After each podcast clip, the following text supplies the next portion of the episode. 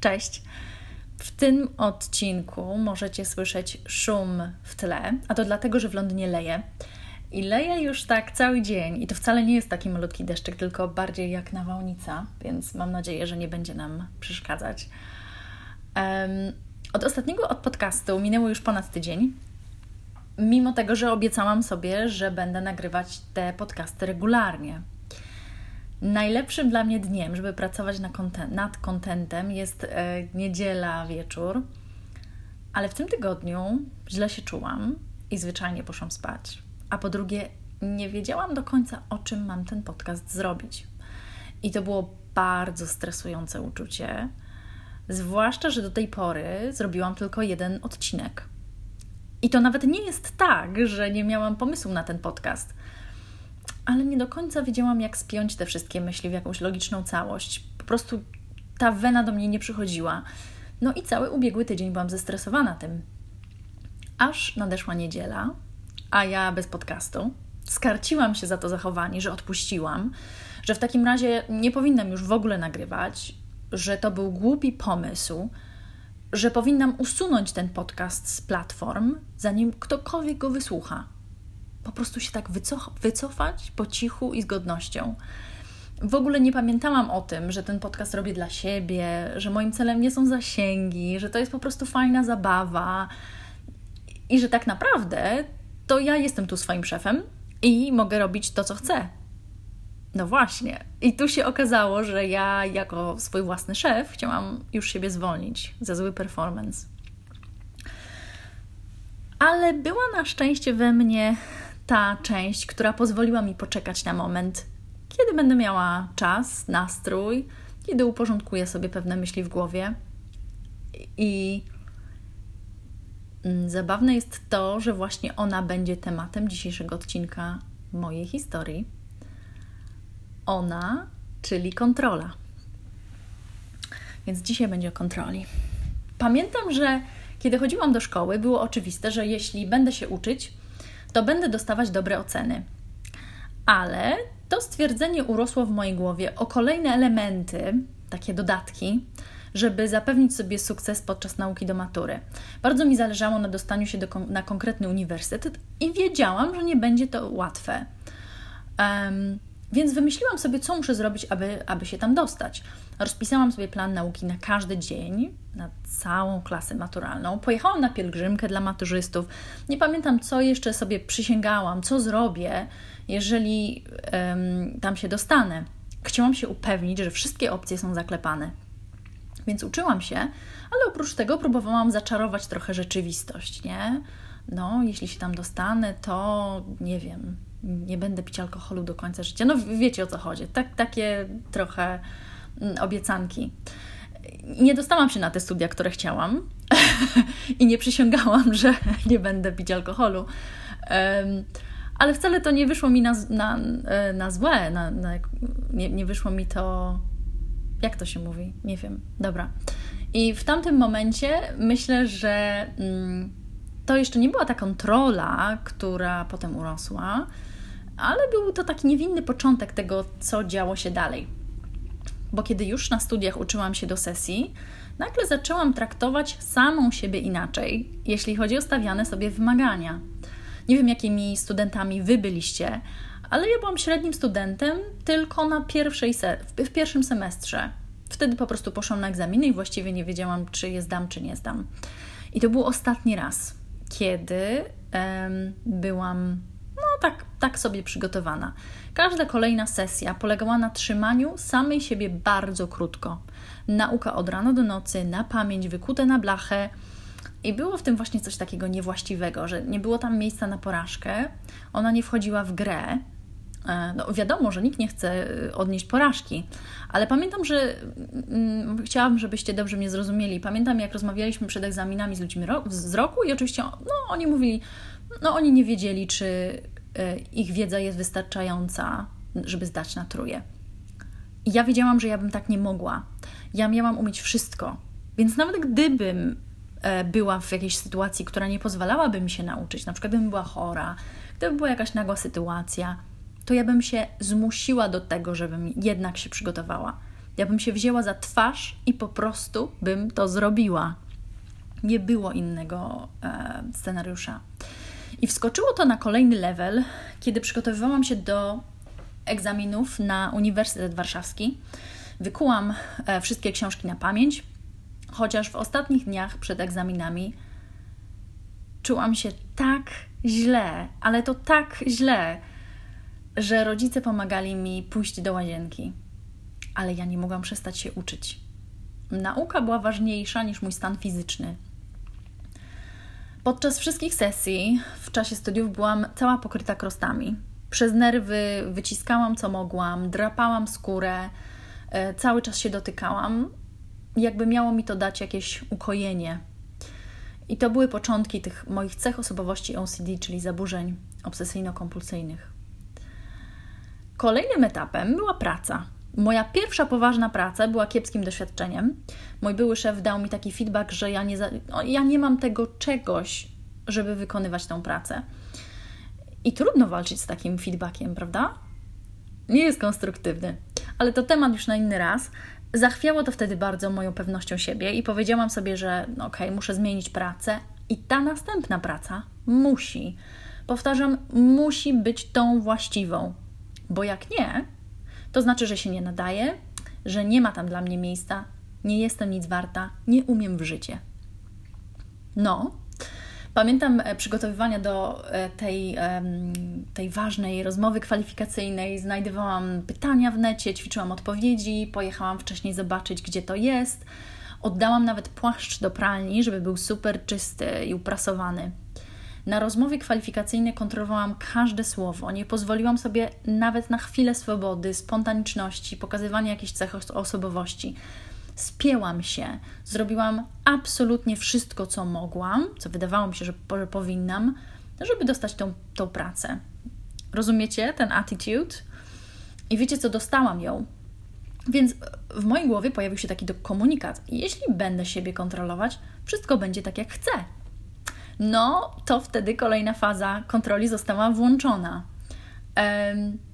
bo wtedy sobie pomyślałam, muszę najpierw się w tej pracy utrzymać, bo przecież ja na tą pracę tak w ogóle nie zasługuję. Ja zawsze miałam to uczucie, zwłaszcza w tych pierwszych doświadczeniach e, pracowych, że to wręcz jest dziwne, że ktoś mi płaci za to, co robię.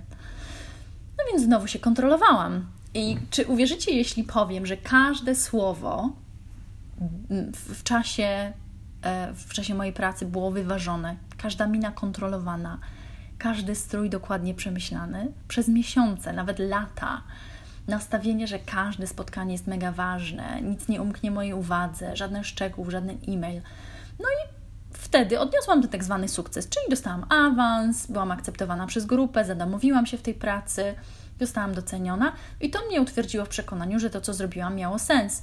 Więc mogłam te wszystkie mechanizmy skopiować i wkleić w każde inne miejsce i w ten sposób odnieść sukces. Potem była Anglia i teraz zrobiło się trudniej, bo do surowej samokontroli doszła jeszcze niepewność siebie. Z różnych względów. To było nowe otoczenie, nowy język, chodzi mi o język biznesowy, bycie z dala od wszystkiego, co jest znajome, i to spowodowało uczucie, że ja na pewno nie ogarnę. Duża presja, stres, e, konkurencja między ludźmi w pracy, mój introwertyzm jeszcze do tego. I, I, ta kontrola mnie samej w nowym środowisku to było już za dużo. No i co gorsza, nie szło. Nie było tego sukcesu, nie było tego docenienia, fanfar. Musiałam bardziej nadganiać za grupą niż ją prowadzić. Nie było tak jak, tak jak wcześniej według schematu, że jeżeli zrobię X, to będzie Y. Nie waliło się, ale nie szło. E, I ja to bardzo źle znosiłam. Wtedy wydało mi się, że jestem niewystarczająca. Miałam takie, taką myśl głęboko w sobie i jeszcze z tą myślą próbowałam przejść dalej. Siedziałam po godzinach e, i waliłam głową w mur. Chodziło tutaj o moją samoocenę, prawda? Więc było o co walczyć. No i czy miałam powiedzieć moim koleżankom i kolegom w Polsce, że wracam, że nie udało mi się? Na zewnątrz wysyłałam sygnały do moich znajomych, że mm, to, że w pracy jest tak sobie, no to nie za bardzo mnie obchodzi.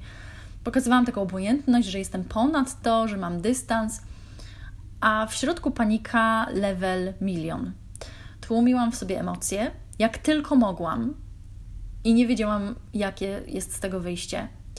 Um, moje cechy osobowości OCD się zaostrzyły. Byłam jak Marek Konrad w dniu świra, który musiał zakręcić tą łyżeczką w herbacie x razy, um, usiąść przed wyjściem, pocałować Jezuska. E, niedosłownie, no ale tak. Um, co jest jeszcze ciekawe, te wszystkie napięcia w moim ciele dosłownie mnie usztywniły. Fizycznie. Znacie to uczucie totalnej sztywności w swoim ciele? Poszliśmy ze znajomymi na human curling. Dla tych osób, które nie wiedzą, to jest taka zabawa na lodzie i polega na tym, że trzyma się w rękach taki ogromny, dmuchany, dmuchany krążek, trochę jak donut i próbuje, próbuje się rozpędzić e, biegnąc i po czym rzuca się na ten, e, na ten e, krążek i wygrywa ten, kto na tym krążku, na tym lodzie pośliźnie się najdalej. Nie mogłam tego zrobić. Ja nie mogłam, nie mogłam trzymać tego krążka, podbiec, w ogóle rzucenie się w ogóle z, na ten lód z tym krążkiem, to było ponad moje e, możliwości fizyczne. Ja byłam taka spięta. I psychicznie też. Byłam piekielnie zmęczona, nie rozumiałam, co ludzie do mnie mówili, byłam zdekoncentrowana, musiałam czytać maila trzy razy, bo byłam aż tak spięta. Przeczytałam gdzieś, że to nazywa się redukcja mentalna. To istnieje naprawdę to tak jakby ktoś Wam zablokował część mózgu. I, I, dokładnie w taki sposób się czułam. Ale no, oczywiście parłam starymi metodami, próbowałam utrzymać się na powierzchni. I ja opowiadam tu głównie e, o pracy, ale kontrola w pracy sprawiła, że ucierpiał na tym mój związek. No bo przecież praca była tak wyczerpująca, że nie było czasu na nic więcej. Wyszła trochę w życie moje finansowe, Opowiem może o tym innym razem, ale stworzyłam, stworzyłam w sobie surową mamę lub taką, może nie wiem, panią, mama to brzmi miło, a, a może to była surowa nadzorczyni, która ocenia, czy mogę na coś wydać pieniądze, czy nie. Zamiast wydawać pieniądze tak jak chcę, traktowałam się, jakbym sobie wydzielała kieszonkowe, oczywiście w stawce minimalnej. Paliwem tej kontroli był lęk. Lęk mnie zablokował, i sprawił, że przestałam się cieszyć. Bo jeżeli w każdej sekundzie swojego życia boicie się wszystkiego, co to życie Wam przenosi, przynosi, wprowadzacie rygor na wszystko, jesteście surowi dla siebie, no to po co żyć? No i wracamy do tego punktu życia wartego przeżycia, czyli do czegoś, nad czym pracuję, poprzez ten podcast. Um, wiem już, co było nie tak, um, więc mogę to świadomie zmienić. I wiecie co, ja lubię kontrolę. Lubię sobie zaplanować weekend, to sprawia, że czekam na niego nie tylko, żeby poczuć ulgę w związku z niepracowaniem, że po prostu piątek się skończył, ale też e, ekscytuję się tym, co się wydarzy, co sobie zaplanowałam. Lubię robić listy zakupów, lubię pisać listę rzeczy do zrobienia. Lubię wiedzieć, że zaoszczędziłam pieniądze, które mogę wykorzystać na jakieś fajne rzeczy ale y, to, o czym Wam opowiedziałam, pokazuje, że ta kontrola wymknęła mi się spod kontroli. Niewłaściwy może dobór słów, ale wiecie o co chodzi. E, na za dużo sobie pozwoliła. Mówię trochę o niej, jakby żyła swoim życiem, bo mój lęk bardzo jej to umożliwił. Uważałam, że jest moją przyjaciółką, że dzięki niej zdobywam świat. Ale w dłuższym okresie czasu okazało się, że była, no nie była tą moją przyjaciółką. Kiepska puenta. Może była jak macochą z bajki. Um, ostatni punkt to so what? Jakie są wnioski? Um, I kilka takich sobie w głowie przygotowałam. Po pierwsze, to co się zmieniło, to traktuję pracę jak po prostu pracę. Nie utożsamiam się z nią. To nie jest to, to samo, o czym pisałam wcześniej, że nie obchodzą mnie wyniki, czy, czy że nie jestem doceniona, tak dalej, to nadal potrzebuję tego. Jestem ambitna, ale nie zgadzam się na to, żeby praca determinowała, jak się czuję. I pracuję już do 17. E, I też chcę, chcę Was uspokoić, że w ostatnim czasie też wiele rzeczy się zmieniło na plus, e, dzięki też mojej pracy nad sobą i czynnikom zewnętrznym, więc mogę powiedzieć, że przykre doświadczenia są już za mną i ja już się trochę z tego wy, wydoby, wydobyłam, z tego e, uczucia tonięcia. E, druga rzecz to otoczenie. E, zwracam uwagę na to, czym się zasilam, jak spędzam mój czas. Na przykład to, co wspomniałam, mój czas prywatny jest ważny, moje, mo, moje związki, moje relacje są ważne. Nie podporządkowuję się już pracy, to jest jeden z elementów mojego życia, ale nie jest, y, nie determinuje tego, jak się czuję. E, przyjrzałam się też swoim priorytetom, one się zmieniły też odkąd rodzice byli chorzy to był taki zimny prysznic też na mój, mój pracoholizm i oddanie się pracy, bo okazało się, że rodzice, którzy w mojej głowie mogliby żyć jeszcze 100 lat, um, mogli tak po prostu zniknąć. Um, no. Um, I ostatni punkt. Zamiast ryć nosem po ziemi i kontrolować każdy swój ruch, zabieram tą głowę i wyciągam ją do góry. I marzę, co tydzień, e, zwykle w niedzielę, myślę sobie o swoich marzeniach. Co ja bym chciała w życiu zrobić, osiągnąć, mieć. To są te wszystkie rzeczy, które e, gdzieś tam mam w swoim sercu.